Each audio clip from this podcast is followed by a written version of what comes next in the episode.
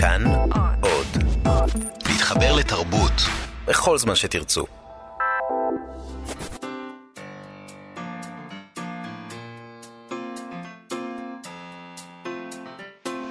מה שכרוך עם יובל אביבי ומה יעשה לה. צהריים טובים, תודה שהצטרפתם אלינו למה שכרוך, מגזין הספרות היומי של כאן תרבות, תוכנית אחרונה שלנו לשבוע זה. עבר די מהר, נכון יובל? משהו. לא יודעת, לי עבר מהר. מהר מאוד. Uh, כבכל יום נזכיר לכם להוריד את האפליקציה כאן עוד, שבה יש את כל התוכניות שלנו ועוד uh, כל מיני תכנים מעניינים. חפשו כאן אודי בחנויות האפליקציות. נזכיר לכם שאפשר עכשיו לשמוע אותנו ואת כל תוכניות כאן תרבות גם בספוטיפיי. ואתם מוזמנים כמובן להיכנס לעמוד הפייסבוק שלנו, מה שכרוך עם יובל אביבי ומאיה סלע, ולדבר איתנו שם גם, להשאיר לנו תגובות וכו'. כן. Uh, איתנו באולפן, עירה וקסלר ואלעד זוהר, שלום גם לכם. היום אה, נדבר עם ערן ליטווין שלנו, מכאן ג' שלנו. שלנו. Mm-hmm. כולם בכאן הם שלנו. נכון. אה, אנחנו נדבר איתו על שירת הנוער. ספר מאוד מעניין של נתן שחר, שמספר את הסיפור של השירים ששרו בתנועות הנוער לאורך השנים. אה, אני מבין אתה היית בתנועת נוער? כמובן, באמת? בטח, איזה? אני סחי. היית בנוער עובד? בצופים? לא, אני סחי, בצופים. ברור. שנה אחת, בכיתה ד' או ה', אני אוקיי. כבר לא זוכר. אוקיי. ואז עזבתי את העניין הזה, אה, אבל ברור מפתיע. כולם הלכו. האמת שלא. מפתיע. בטח, בבקשה, כי חיכיתי. אה, אני לא הייתי בתנועת נוער, אני מודה. אני זוכר דבר אחד, ואם אנחנו מדברים על שירים שהיו היו מתופפים על הברכיים, את מכירה? אה, לא היית בתנועת נוער, היו מתופפים על הברכיים וצועקים קצב, קצב, משהו לא, כזה. אני זה לא כל מה שאני מכירה את זוכר זה, אבל את השירים. אני אוהבת. השירים נהדרים. שירים אני אבל אוהבת, זה- אבל את התנועה עצמה, אני הלכתי לפעולה הראשונה, איזה... אי איזה אז? בכיתה ה', בנוער העובד- הלכו אז אה, איפה שגרתי, זה ואחרי המופ- הפעולה הראשונה... המופרעים הלכו לנוער העובד והלומד והשומר הצעיר, הנחמדים הלכו לצופים. אבל אני לא החזקתי מעמד גם... אפילו שם! לא, פעולה ראשונה, ואמרתי לעצמי, למה כל האנשים האלה פה ביחד? למה, אני רוצה להיות בבית. ואכן חזרתי כולם הביתה לובשים את ולא אותה באתי יותר. חולצה, מה? למה אתם רוצים להיות ביחד כל הזמן? לא ברור, הם רצו לשיר. הם רצו אוקיי, לשיר. אז הם שרו. אני נורא רוצה לשאול אותו מה קורה היום, כי אני מבין שתנועות הנוער זה כבר לא מה שהיה פעם. זאת אומרת, זה לא ש... יש עדיין, כן, למה לא? אולי כן, יש. מעניין. טוב, נדבר איתו אני על זה. חייבת לומר שהורשתי את הדבר הזה הלאה, וגם לא הבת הלכה? שלי לא הלכה לתנועת נוער. והיית אבל גאה בה? החברים שלה כן. בלב הייתי גאה בה. לא, לא ניסיתי להגיד לה, אל תלכי. אבל כשהלכה לפעולה הראשונה לנסות, אמרתי לעצמי בלב אלוהים, הלוואי שהיא תחזור, רק תגיד לי, שהיא אני לא לא תהיה מבין. רשגדי. ובאמת, היא חזרה ואמרה שזה לא מתאים לה, איי, איי, והיא איי, רוצה להיות חבל, בבית. חבל, חבל. זה פשוט דורות על גבי דורות של אנטיפטים אנחנו מגדלים. זהו, אפשר היה לחשוב שהיא תמרוד בך ותצטרף. היא איזה- מורדת מספיק. אני בטוח. טוב, אנחנו נדבר גם עם אה, דנה פרנק, היא שבה מחופשה ארוכה, אבל היא לא הפסיקה לרגע לחפש אהבה בספרות, והיא תדבר איתנו על מה שהיא מצאה במהלך החופשה מבחינה זו, ותהיה לנו פינת סטטוס יומי, והמלצות לסוף השבוע, וכל מיני דברים, ככל שנספיק. אוקיי, אבל כרגיל. בוא נתחיל, אה, קודם כל נדבר על תגובה לביקורת שהתגובה עומדת להתפרסם במוסף ספרים של הארץ ביום שישי, ואנחנו אמ, כבר התפרסמה בעצם באתר האינטרנט של העיתון, כן. וראינו את זה שם. מדובר בתגובה של אמיר שומרוני, העורך של הקובץ לילות חשוון, אוסף משירתה של קדיה מולודובסקי, שיצא לאחרונה, ונכתבה עליו ביקורת במוסף הזה על ידי טינו מוסקוביץ'. הביקורת הזו הייתה ברובה טובה. היא כן. נכתבה בהתפעלות אה, מה, מהשירה של מולודובסקי. כן, כן. זה תגלית כזאת, כי אנחנו מכירים את מולודובסקי בעצם כמשוררת כסופרת ילדים. כן. אה, משוררת ילדים, כן. אה, הוא כתב שם ככה, המבחר המקיף, זה אה, טינו מוסקוביץ'. כן. אה, המבחר המקיף והמגוון הזה בקובץ, מאפשר לקורא לערוך היכרות מעמיקה באופן יחסי עם שירתה הלירית של מולודובסקי. וההיכרות הזאת בהחלט מתגמלת. מעל הכל מדובר פשוט במשוררת טובה. השירים שלה עובדים היטב משום שהיא מצליחה לאזן בדיוק רב בין אמירות כלליות ובין קטעי מציאות גסים ולא מעובדים לכאורה, תוך שיבוץ מדויק של הברקות רעיוניות ולשוניות בטקסט, וכל זאת באינטונציה, באינטונציה מוזיקלית הנדמת טבעית אפילו במסגרתו הכובלת של החרוז הקבוע. ומצד שני, היו לו גם הסתייגויות, בעיקר בכל הנוגע לתרגום. הוא כתב שם שהקובץ כולל תרגומים של 22 מתרגמים. טבעי לחלוטין שיהיו מהם טובים יותר וטובים פחות. כך למשל, מוסקוביץ' קבע ששחנה נשקס אה, אינה מצליחה לרוב להעביר לעברית את הניגון היידישאי, ושהחלטתו של שומרוני לכלול בספר את אה, תרגומיו שלו, היא לא פחות ממשגה חמור. ברור לחלוטין כי האיש פועל מתוך אהבה כנה למשוררת ולשירתה, אולם כשליו התרגומיים, בשל חובבנות או פשוט היעדר כישרון, עושים לשתיהן עוול גדול. אכן, כך כתב. טינו מושקוביץ. אה, ולצורך ההוכחה הזאת הוא גם ציטט משיר מהספר שלנתו, לטענתו כולל כמעט את כל הבעיות של תרגומי שומרוני, תחביר נמלץ, ניסיונות מביכים לחרוז ושימוש תכוף ותמוה במשקל פרוזאי אה, מובהק. אה, כן. אה, עכשיו, בתגובה, כותב שומרוני שהקטעים האמורים, אלה שציטט, כדי להוכיח את הדבר הזה, לקוחים מתוך תרגום השיר שביתה, שהותקן על ידי דוב שטוק, דוב סדן, ולא על ידי, כפי שמצוין בסוף השיר. יותר מזה, שומרוני מציין שדווקא שיר אחר שמוסקוביץ' מצטט בביקורת שלו, לילות חשוון, שלפי מוסקוביץ' יש בו לא מעט שורות יפות ומדויקות מאוד, דווקא הוא כן תורגם על ידי שומרוני. לצערו של שומרוני, הוא לא מצא אה, תרגום לשיר הזה. בביקורת, כותב שומרוני, לא צוין כי התרגום שזכה כאמור לשבחיו של מושקוביץ, הוא שלי. נקודה שלישית שמעלה שומרוני הוא אותו שחנה נשקס שמוסקוביץ' אה, הזכיר. אה, הוא לא גברת, זה אדון, מה שנקרא. המתרגם, המשורר ומבקר הספרות, שחנה נשקס, המוזכר בביקורת, אינו אישה, כפי שעולה מהטקסט של מושקוביץ. חזקה על מי שלכאורה אמון על הניגון היידישאי, כפי שהוא מעיד על עצמו, שידע כי שחנה הוא שם זכרי, ראו למשל שם גיבורו של י"ל פרץ, בדודי שחנה ודודתי יחנה. Uh, סקירה קצרה על uh, נשקס ופועלו מופיעה בלילות חשוון, בפרק על המתרגמים בעמוד 376. כלומר, זה מופיע בספר שעליו נכתבה הביקורת, כל מה שהיה צריך לדפדף להערות, ואפשר היה לדעת את זה. כמו שציין אחד uh, מהטוקבקים למאמר התגובה של uh, שומרוני, מדובר בפדיחה. קורה שיש uh, טעויות בביקורת, uh, אני הראשון uh, להודות בכך. אבל פה מדובר ברצף של כמה דברים באמת מביכים. יפה ששומרוני שמר על סגנון מאוד מאוד מאופק, אולי כי הביקורת כשלעצמה הייתה יחסית טובה. לא מעט אנשים בעולם הספרות שהיו כותבים תגובה, היו עושים אותה, כותבים אותה ארסית בהרבה. Mm-hmm. אם כי אולי במקרה הזה העובדות היבשות הן ההרס המושלם. לגמרי. כן. אבל מה שכן, אה, קרה דבר משונה מאוד בגרסה האינטרנטית של הביקורת. הרי אה. היום יש לנו את הביקורת המודפסת מולנו פה, במוסף ספרים ששמרנו מאז, אה, ויש את הגרסה האינטרנטית שתוקנה. אוקיי. אה, בסוף הביקורת אה, באינטרנט מצוין כי שלוש הפסקאות האחרונות של הביקורת תוקנו בתאריך השביעי לעשירי 2018. הן שונות מנוסח הביקורת שפורסם במהדורה המודפסת של הארץ, שזה, אה, שזה טוב. מזל שיש את האינטרנט, אפשר לתקן. אבל השורה, למשל, החלטתו של שומרוני לכלול בספר את תרגומיו שלו, לעומת זאת, היא לא פחות משגיח חמור, נותרה. Mm. גם במקום מתוקן. גם הטענה שהציטוט מהשיר שמצטטים, כולל כמעט את כל הבעיות של תרגומי שומרוני, עם הנמלץ וכל זה, עדיין שם, בגרסה האינטרנטית. מה כן תוקן? השיר. שמו שם שיר בתרגום שיר של אחר. שומרוני, כדי כן. שזה יהיה מתאים. בגרסה המודפסת, למשל, כתוב אחרי זה, אה, יש שם שיר אחר, כמו ששומרוני כן, אמר. כן, כן. עכשיו, יש שם אה, אה, את השיר אה, ילדות, ששומרוני כן, אה, אה, כן תרגם. אה, אה, סליחה, שיר ילדים, סליחה. אה, כלומר, העובדה ששומרוני הבהיר שמוסקוביץ' אהב שיר שהוא תרגם, ולא אהב תרגום של מישהו אחר, לא שינתה להם. כנראה אה, טינו מוסקוביץ' החליט שהוא רוצה לעמוד מאחורי ההצהרה הבומבסטית. הזאת שלו בכל זאת. יכול להיות. אז זה מאוד מאוד uh, משונה, וזה נותן תחושה שכאילו העובדות לא כל כך משנות. Uh, טוב, בכל מקרה, לילות חשוון, מבחר משיריה של קדיה מולודובסקי, יצא בהוצאת הקיבוץ המאוחד ובית שלום הלחם, uh, ונשמע כמו ספר מאוד מאוד מעניין, שזה בעצם מה שחשוב, אם כי אם הייתי שומרוני, אז בטח הייתי חושבת שזה גם חשוב ש... שיכתבו נכון. כן.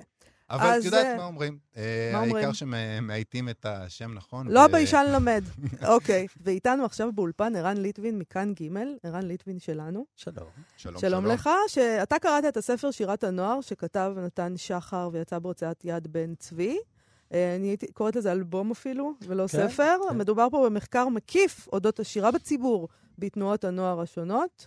אה, ספר לנו, מה יש לנו אם פה היינו- אם בספר היינו הזה? לפני החגים, זה הייתי אומר שזה מתנה מושלמת לחגים. אה, מתנה מושלמת למי, עוד ש... מעט חנוכה. למי שחובב את הז'אנר בהחלט, אה, וצריך להגיד אה, מילה טובה למוזיק... למוסיקולוג נתן שחר, שבעצם ביצע את המחקר הזה. והמחקר הזה הוא בעצם מקיף, הוא בדק אה, 11,000 שירים. וואו. אוי שהם, ואבוי. שהם, כן, אני לא מקנא בו. אה, אני דווקא כן מקנא בו.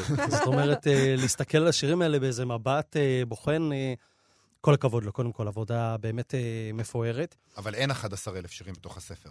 לא, ברור שלא, אבל הוא בחן אותם. ומה שמאוד מעניין זה שהמחקר שלו אה, נעשה גם על בסיס, אה, בגלל שמדובר בשירת רבים, ומשהו שלא תועד זה ספר ראשון, גם לטענתו, שעוסק בשירה הזאת ש, של תנועות הנוער, ספר רציני. אה, חלק מהמחקר אה, מתבסס על אה, פנקסי שירה, זאת אומרת, פנקסים שאנשים רשמו לעצמם שירים שהם אוהבים, בכתב יד, וזה היה מין...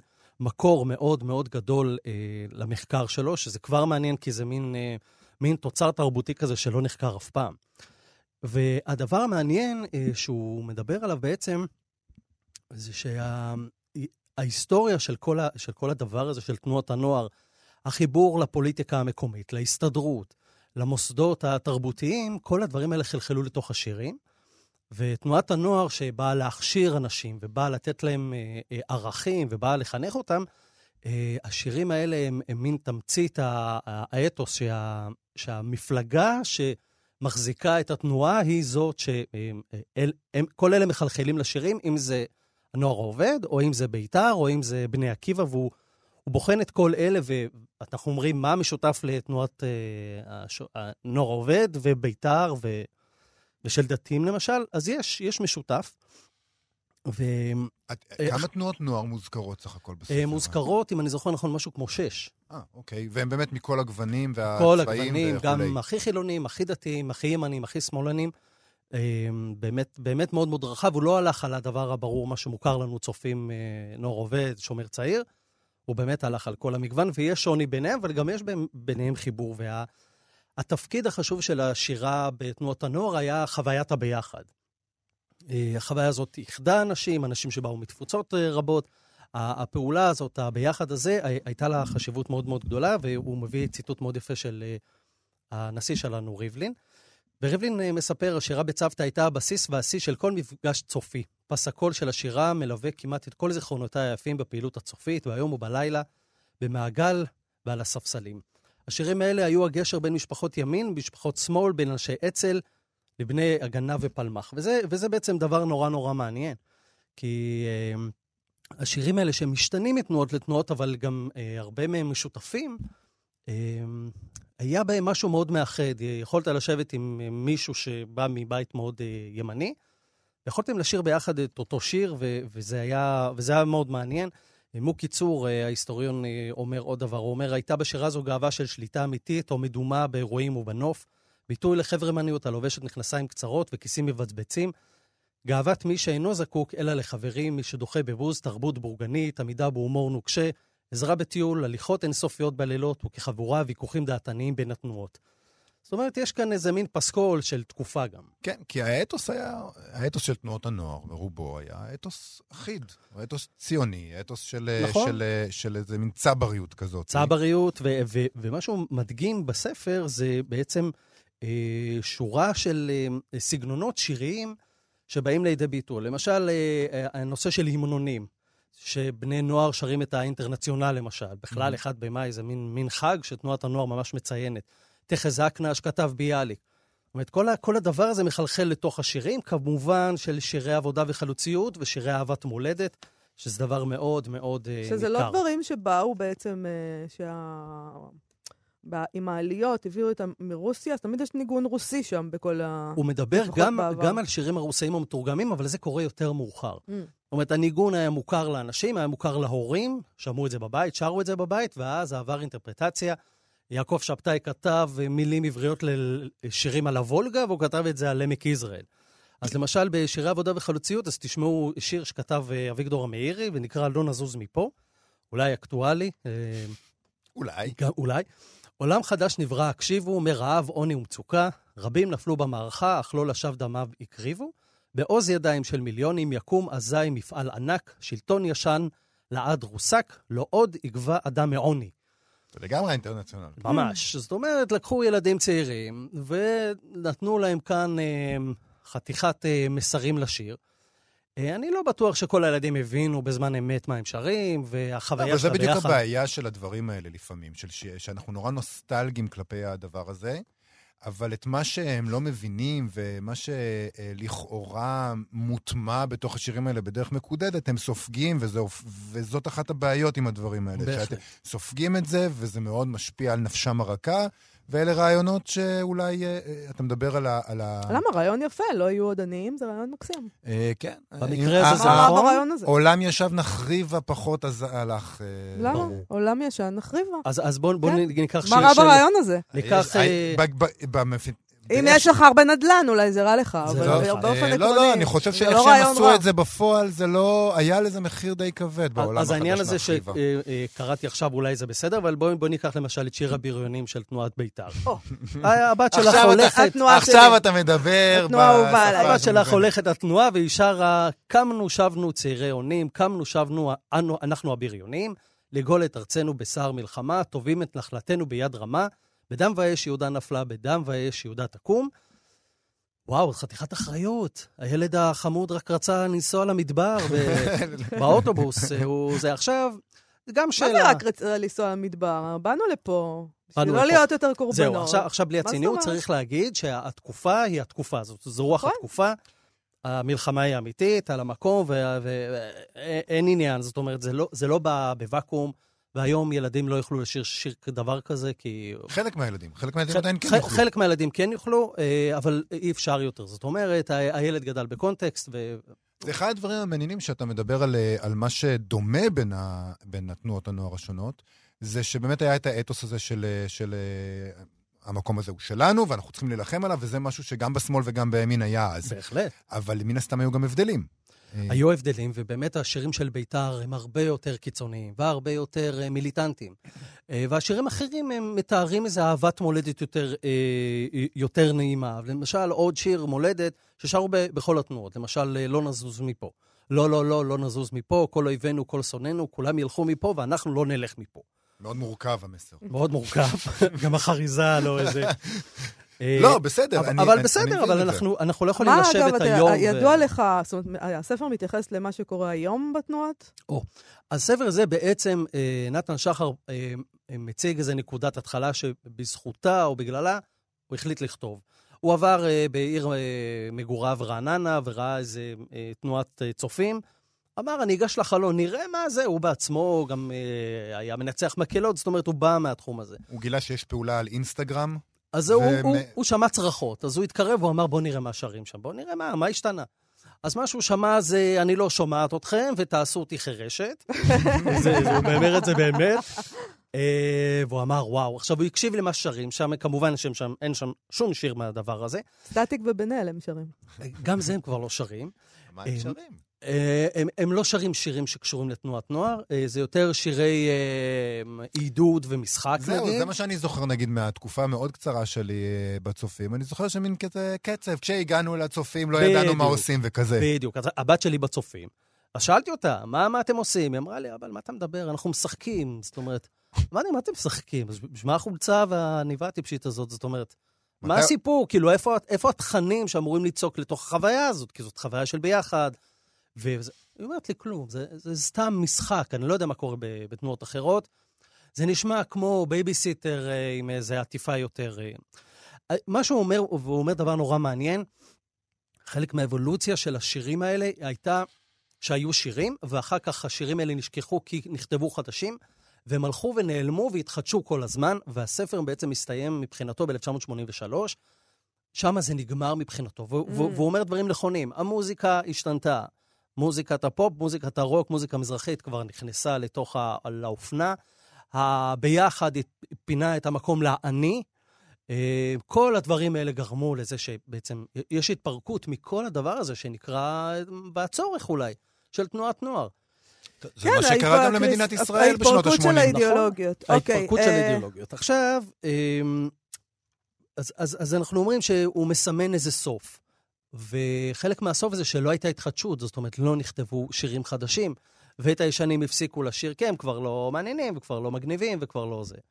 אז הספר הוא נורא חשוב כי הוא מתעד מ-1918 עד 1983, באמת קורפוס מטורף של שירים, את המקורות שלהם, ההיסטוריה של תנועות נוער בחו"ל ואחר כך בארץ, והוא מדבר באמת על ההבדלים. ו- וזה מרתק. באמת, באמת הוא עשה עבודה מאוד מאוד מאוד אה, אה, מעניינת. אה, קח דוגמה את אה, שיר חולצה כחולה, למשל, שעוד מעט נשמע. שעוד מעט נשמע.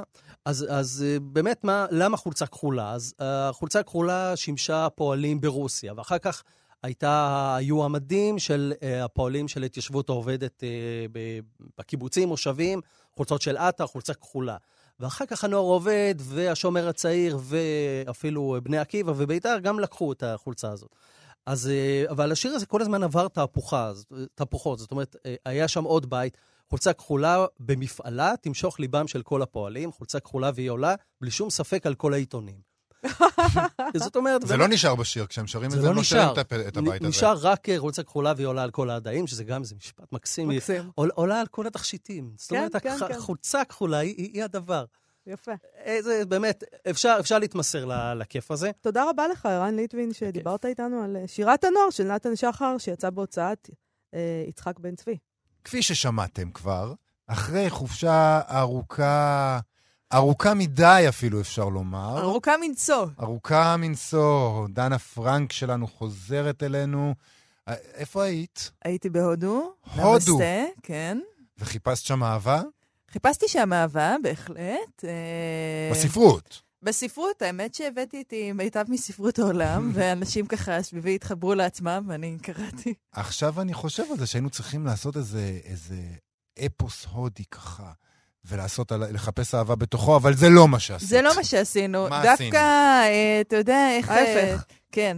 אה, כשהם נמצאים בצפון הודו, שם הייתי, אתה מגלה שישראלים, יש להם capacity מאוד גדול, יש להם יכולת מאוד גדולה להתגעגע הביתה.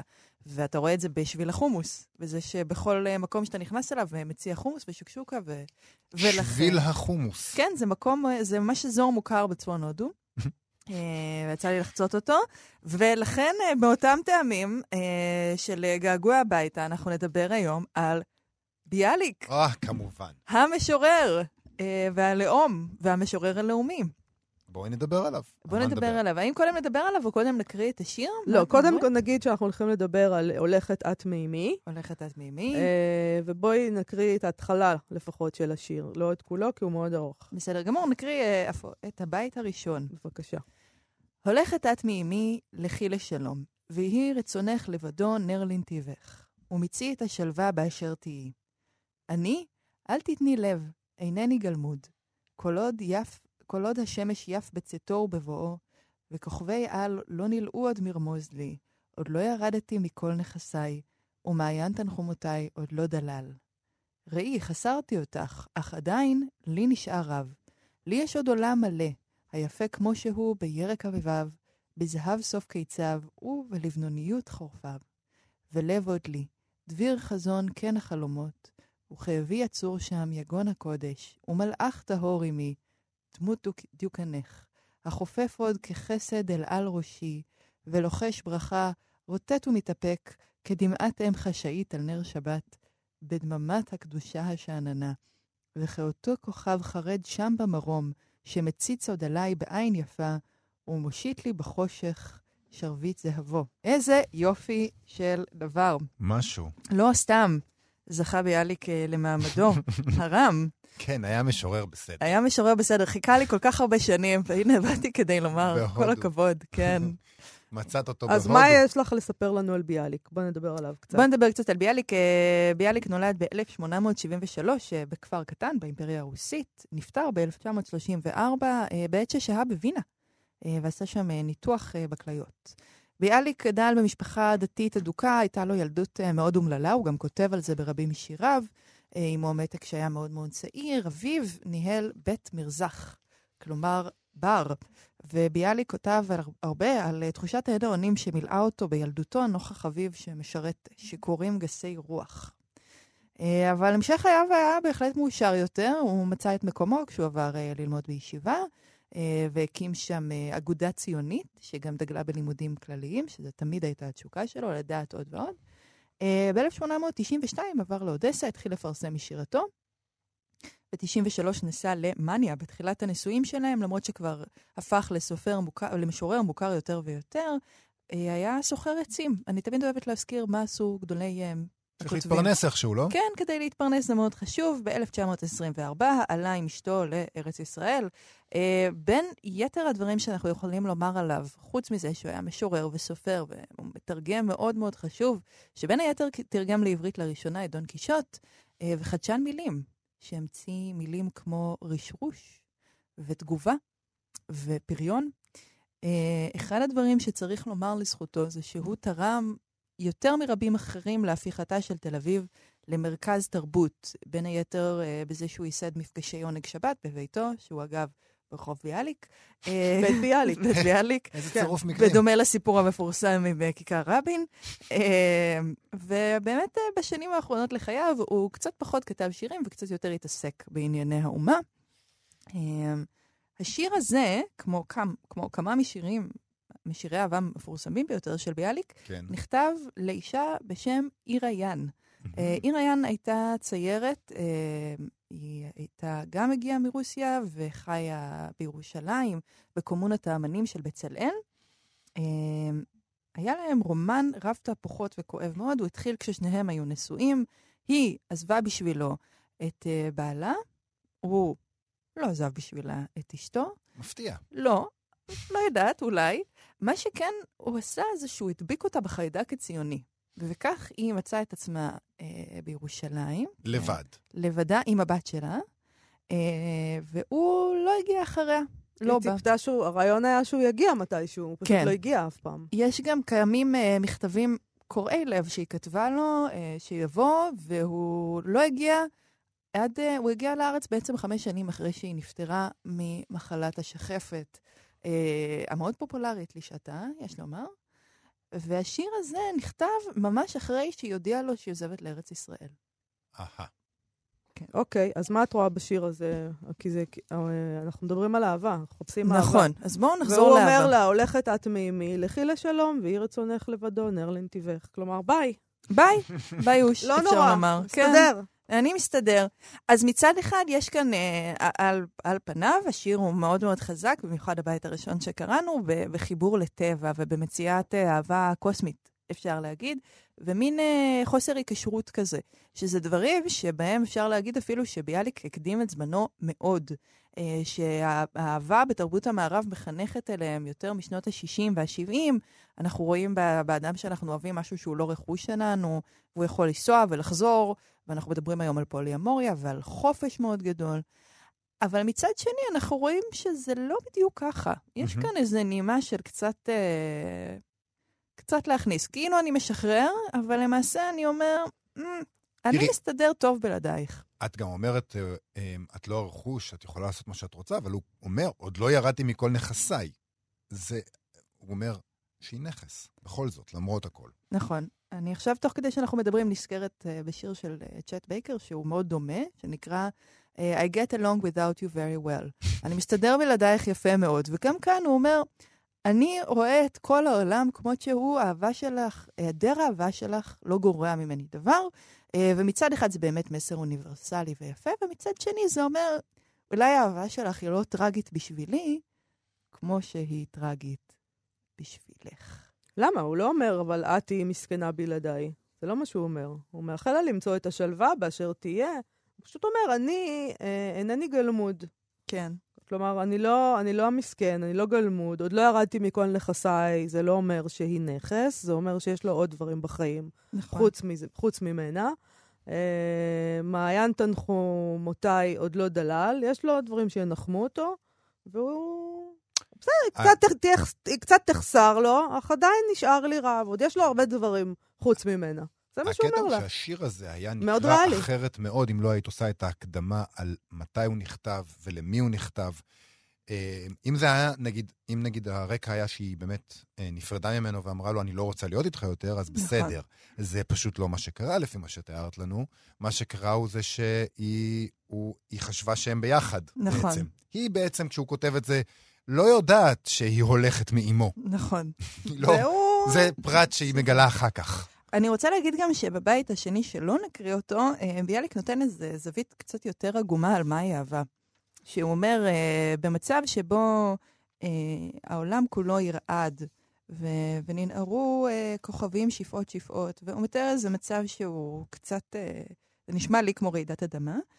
ואז הוא אומר, וכלויה תאווה ואכולי חשק, איש איש ברעבו ובצמאו יצאו, יגשש קיר כעיוור יחבוק אבן, יתחבט ארצה, יסחל על קרונו, ללקט רסיס פז אחד, פירור אחד, ממה שהשליך לו מעל כוכבו, ולמצוא מלוא כף אהבה כרטוב אושר. כאילו הוא אומר, במצב בו, שבו אני נמצא, של uh, שמחה ואיזה חיבור לבריאה ולטבע, אני יכול להסתדר בלי אהבה. אבל אם את תמצאי את עצמך במשבר מאוד גדול ותתגעגעי אליי, אז תדעי שלא נורא. לא, הוא אומר- תתגברי. תתגברי! הוא גם אומר, הוא גם משתמש באותו ז'רגון אה, אה, של טבע ומדבר על הכוכבים. תראי, הם נופלים כוכבים אה, ו- והם זוהרים את זוהרם, ובכל זאת הם לא מאבדים מזהבם. זאת אומרת, הוא אומר, גם את תהיי בסדר. כן. יש, את חושבת אה, שבגלל יובל, אתה שאיבדת יודע, אותי. אה, אתה מתלונ- התלוננת עליו מקודם על זה התלונ- שהיא לא יודעת וכל מיני... הוא כן. גבר נשוי. נכון. היא יודעת שהוא גבר נשוי, כן. אוקיי? זה הכל. בהחלט. בכל זאת, אה, היה... בכל זאת, הוא היה יכול כזה גבר נחמד. נוראי, והיא כזאת אישה מסכנה. אני לא אמרתי. אני לא חושבת שעיר היין הייתה מסכנה בכלל, לא אני גם. חושבת, אה, בשנים האחרונות באמת אה, חושפים יותר את הביוגרפיה שלה, ומדברים עליה יותר בתור לא רק המאהבת של, אלא גם אדם אה, שהיה לו משמעות מאוד גדולה בחיי התרבות המתפתחים של היישוב. אני רוצה ברשותכם אבל כן לקחת רגע ולדבר על זה, שהשיר הזה, למרות שהוא מפורסם, הוא לא נלמד לבגרות. ושירים אחרים של ביאליק שנלמדים לבגרות, הם, הם הרבה יותר קודרים, הם, יש בהם משהו הרבה יותר פטליסטי לגבי אהבה. ונשאלת השאלה, מי מקבל את ההחלטה הזאת? איזה עולם רגשי, ארגז כלים רגשי אנחנו נותנים באמצעות הספרות לנערים. לנערים ש... והנערות שיוצאים לעולם הגדול? אה, האם באמת עדיף ללמד את הכניסיני תחת כנפך, שכולו שיר שמבלבל בין אהובה לאימא, שיר שמטיף לתלות, לעומת השיר הזה שמדבר על, על אה, חוסר היקשרות ו- ופתיחות לעולם וחופש? שאלה. אני לא בטוח, דווקא, אני- אני רוצה, את צודקת, אבל אני לא בטוח שזה מה שעומד לנגד עיניהם של מי שבוחרים את הדברים האלה. נראה לי שבשלב הזה הם כבר בוחרים את, אה, את השירים, זה גם לא אמור, אני לא. חושבת שזה גם אמור לעמוד לנגד עיניהם, אני חייבת לומר לך. רק כי מה זה שטוב. לא אמור להיות... אה, אה, הספרות לא אמור להיות עניין חינוכי. בוא נחנך אותם איך לאהוב ונבחר לפי זה את השירים. לא. לא. זה לא התפקיד שלה. ואת ביאליק, מה שמלמדים את ביאליק זה בטח יותר מתוך עצלות. זה כבר מה שמלמדים 50 שנה. קבוע. וזה כבר... כן. כן, זה תמיד שם, פשוט. מערך השיעור. כבר מוכן, כבר כתבו אותו מאות פעמים. וזה גם שיר את יפה, פה. הכוכבים רימו אותי. יפה מאוד. שיר נכון. יפהפה. זה יותר. אה, יותר קל גם מ- מזה, אני חושבת, את להבנה. חושבת? כן. בטח. מבחינת השפה? אה, כן, השפה שלו יותר קלה, יותר קל להבין אותו, וגם אני מאוד מחבבת את הרעיון שיש איזו תשתית אה, משותפת בתרבות לכולם. מהמם. אה, שבאיזשהו אופן כולנו למדנו את אותם דברים, ומשם כל אנטיגונה, אחד אה, כן. יכול ללכת לכל, לאן שהוא רוצה, אבל משהו בתשתית שלנו הוא משותף. משותף. אני מחבבת את זה. אז אני מאוד אה, מעודדת את מאזיננו לעשות מה שאנחנו עשינו היום, אה, וגם באמצעות אתר האינטרנט פרויקט בן יהודה, שיש. בו את כמעט כל כת- כתביו של ביאליק, להכיר עוד צד של ובכלל, אתר. נהדר, אתר שיש בו המון דברים שקשה למצוא במקומות אחרים לפעמים. בהחלט תוצר תרבותי. דנה פרנק, תודה רבה לך, תחזרי אלינו בשבוע הבא לחפש אהבה. בהחלט כן. להתראות. בפינת הסטטוס היומי, אני רוצה להקריא סטטוס uh, מהפייסבוק של האיש שלנו בפריז, דוב אלפון, שכותב כך: בסוף החודש תועמד למכירה פומבית הספרייה האישית של פרנסואה מיטרן.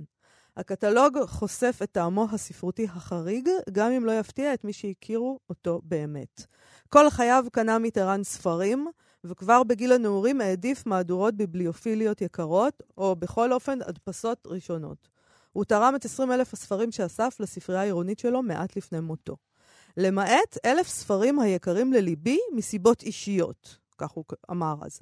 אלה הספרים שילדיו מעמידים עכשיו למכירה.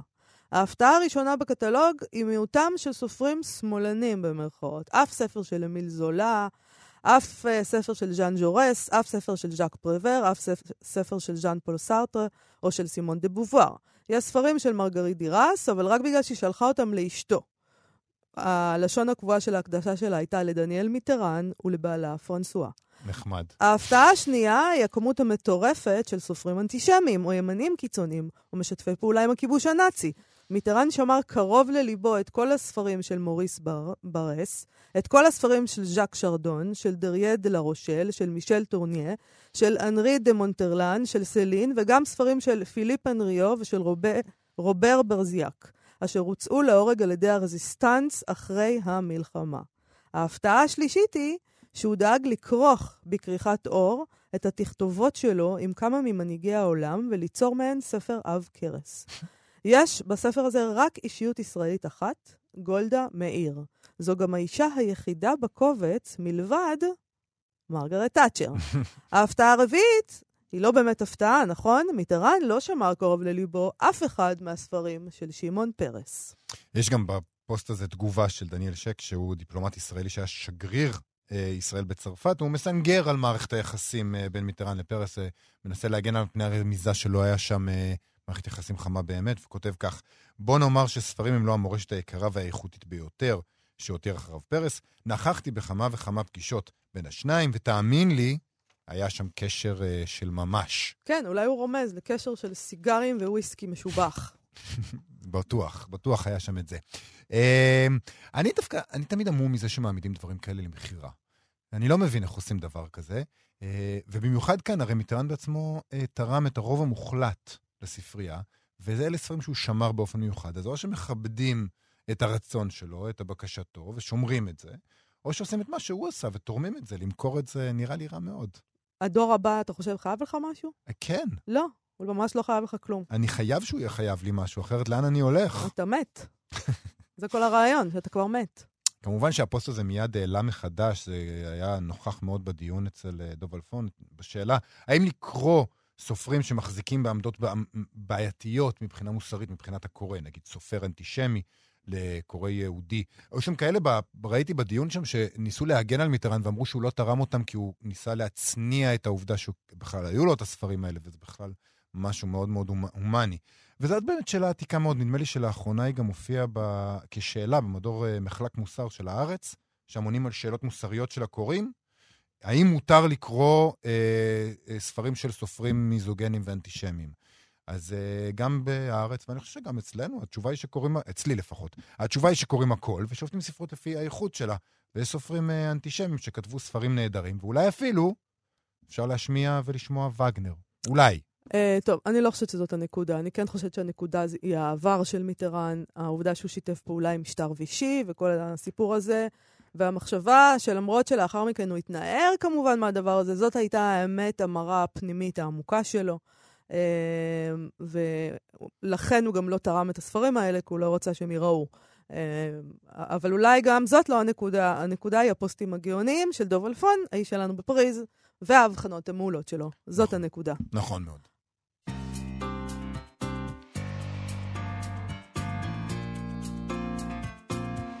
תשמע, מאיה אשרי בהארץ מדווחת שבברודוויי שמעו את זעקתי, אה, והבינו שמה שהולך בפוליטיקה האמריקאית וגם העולמית, זה, אלה החומרים המעניינים באמת. אה, מברט קוונו ועד אה, אפי נווה. מחזה חדש עומד לעלות בברודוויי במרץ הקרוב, והוא ייקרא הילרי וקלינטון. הוא יתמקד בקמפיין הכושל של הילרי קלינטון לנשיאות ב-2008. כמובן שאנחנו מצפים ומחכים אני בכל אופן, למחזה שיעסוק בקמפיין הכושל שלה לנשיאות 2016 מול טראמפ. לאט לאט, קחו את הזמן שלכם, זה לוקח זמן לאבד את הטרגדיות האלה. זה נכון. Uh, פה ג'ון ליטגו מהכתר ולורי מטקלף מרוזן ומליידי בירד יככבו כביל, וב... כביל והילרי קלינטון במחזה בילרי. הזה. בילרי. זה היה דבר אמיתי? באמת קראו להם בילרי? לא יודעת. היה. אז אם, אם לא, אז אני חושב שהמצאת משהו עכשיו. ענק. בילרי, אני כן. חושב שחייבים לה, להשתמש בזה. בילרי. אה, אז אה, הם יככבו כבילרי, וזה יעסוק בחיכוכים בין ביל קלינטון לאנשי הצוות של רעייתו מאחורי הקלעים, ויבחן את נישואי הזוג. וגם ברק אובמה יהיה שם, אם כי לפי הדיווחים, במהלך המחזה מתייחסים אליו בתור הבחור השני, או באנגלית, תמיד נשמע יותר טוב, The other guy. את המחזה כתב לוקאס נאט, ששיתף פעולה עם מטקלף גם בהפקה קודמת בברודוויי. אה, מאיה אשרי, כן, היא כותבת, כי פוליטיקאים ומדינאים עכשוויים מעסיקים יותר ויותר את הכותבים בתיאטרון, בטלוויזיה ובהוליווד, וזוכים להצלחה ועניין רבים. רבין, היום האחרון, סרטו של עמוס גיטאי, עוסק בימים שלפני רצח רבין. אוסלו, שמתמקד בדיונים על הסכמי אוסלו מנקודת מבטם של המתווכים הנורבגים, זכה בשנה שעברה בפרס הטוני למחזה הטוב ביותר. והכתר, סדרה של נטפליקס על אה, מלכותה של המלכה אליזבת, בין הסדרות הפופולריות כיום, טריילרים של וייס, שזה סרט בכיכובו של קריסטיאן בייל, אה, כסגן הנשיא האמריקאי לשעבר דיק צ'ייני, מציפים את הרשתות החברתיות. ויש עוד מקרים, מקרים אחרים מעדיפים היוצרים לא לעסוק בעבר, אלא לחשוב קדימה. למשל, המלך צ'ארלס השלישי, זה מחזה מצליח שעלה בבריטניה ב-2014, מאז הוא באת גם לטלוויזיה, הוא מדמיין עולם דיסטופי שבו מוביל הנסיך צ'ארלס הפיכה להשתלטות על כס המלכות. כן, כמה זמן אפשר לחכות שאימא שלו תמות?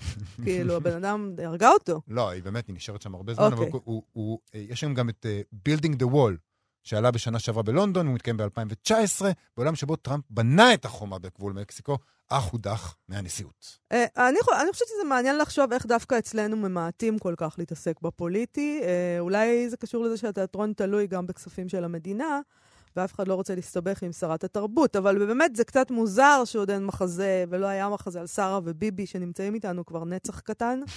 אה, והחומרים שם מעולים, אף אחד לא יכול להכחיש את זה. אני מניחה שהדור הבא יקבל את החומרים האלה ביום שאחרי ביבי ואחרי מירי. אה, הם יקבלו את הדייסה הזאת כשהיא כבר תהיה תבשיל קר, אה, שלא יכול להרגיז אף אחד. איך אמ- אמרת את זה טוב אה, בנוגע לטראמפ והילרי? לוקח זמן לאבד את הטרגדיות האלה? לא משנה, העיקר שיגיע היום של אחרי. זה נכון. אבל אני רוצה להספיק ולראות את זה, אז אתה יודע, בוא נקדם את היום. את המחזה על ברט קוואנו, על ביבי ושרה, על מירי רגב ואבא שלה, על אפי נווה, מבריח את הגבול. אה, אני, אני רוצה להספיק, אני רוצה גם להספיק לראות את המחזה על ניקי היילי, אה, עם תשובה לשאלה למה היא פרשה אתמול מהאו"ם.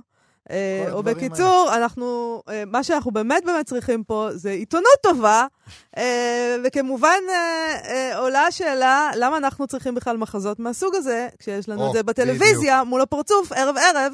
ואני אגיד לך למה, אם רק היו לנו גם עיתונאים טובים, שגם חוקרים את כל הסוגיות ביושר, אולי זה היה יכול להספיק. יכול להיות. אוקיי.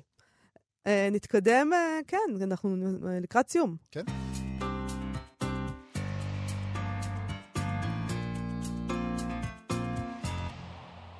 טוב, לפני סיום, אה, כרגיל ביום רביעי, מספר המלצות ספרותיות לסוף השבוע הקרוב. נכון, היום בערב בתולעת ספרים במאזה בתל אביב, בשעה שבע וחצי, תתקיים השקת ספרה חדש של המשוררת לאה פילובסקי, מסע פואטי בעקבות שירתו של המשורר ט' כרמי, שיצא בכרמל, אה, בעריכת ליאת קפלן. דיברנו על הספר הזה כאן בתוכנית, בערב הזה השתתפו פילובסקי אה, וקפלן ונועה ידלין, תמר מורסלה ויובל יבנה. אה, ניגונים ושירה של שירי ט' כרמי, מולחנים ועוד. ביום חמישי בשעה שמונה בבית ביאליק בתל אביב תתקיים השקה לספר החדש של רוביק רוזנטל, מדברים בשפת התנ"ך, שיצא בהוצאת כתר. זה נשמע מעניין. אה, השקה שגם תהווה את פתיחת העונה החדשה של אירועי הספרות בבית ביאליק. השתתפו שם מלבד רוזנטל עצמו גם אה, מאיר שלו וחנאל מק, וגם משוררים במחווה לשפת התנ"ך, ויהיו קטעי אה, הקראה ותיאטרון ומוזיקה, שלל דברים. יפה. ביום שישי ב-12 בצהריים במרכז עינב בתל אביב יתקיים מופע מיוחד לרגל השקת ספר השירים עולם על גב העולם של אורי הולנדר, שיצא בהוצאת אפיק. יקראו שם יפתח אלוני, מיקי גורביץ', רוני סומק, דורית שילה, ינגנו ערן צור ורז שמואלי, ואורי הולנדר עצמו כמובן גם יהיה שם. אה, ובאותו יום שישי, בש... בשעה 11 וחצי בבוקר, בבר, בבר נורמה ג'ין בתל בבר. אביב. בבר. מהמם. המלך בבר.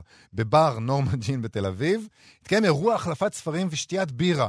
זה נשמע כמו שילוב טוב מאוד בעיניי, זה נשמע כמו משהו שיכול למצוא חן בעיניי. אה, החוקים של האירוע, ויש חוקים, אה, זה שמביאים ספרים עם פתק, אתה מוסר שם לקורא הבא, ולוקחים ספרים אה, מוצלחים שאחרים ואחרות הביאו, והרעיון הוא, לפי מה שהם כותבים בעמ- בעמוד האירוע בפייסבוק, זה להביא ספרים שווים ומוצלחים. כאלה שכבר קראתם וסתם יושבים על המדף, ולא להביא את כל הג'אנק שסתם איכשהו הגיע לידיכם. אוקיי, אז נחמד מאוד, זה זמננו לסיים להיום ולהשבוע. אתם מוזמנים כמובן, אה, עדיין מוזמנים להוריד את אפליקציית כאן עוד, שבה יש את כל התוכניות שלנו, וגם לחפש אותנו בספוטיפיי או בפייסבוק. תודה רבה לעירה וקסלר, לאלעד זוהר ולחן עוז. להתראות ביום ראשון. טוב.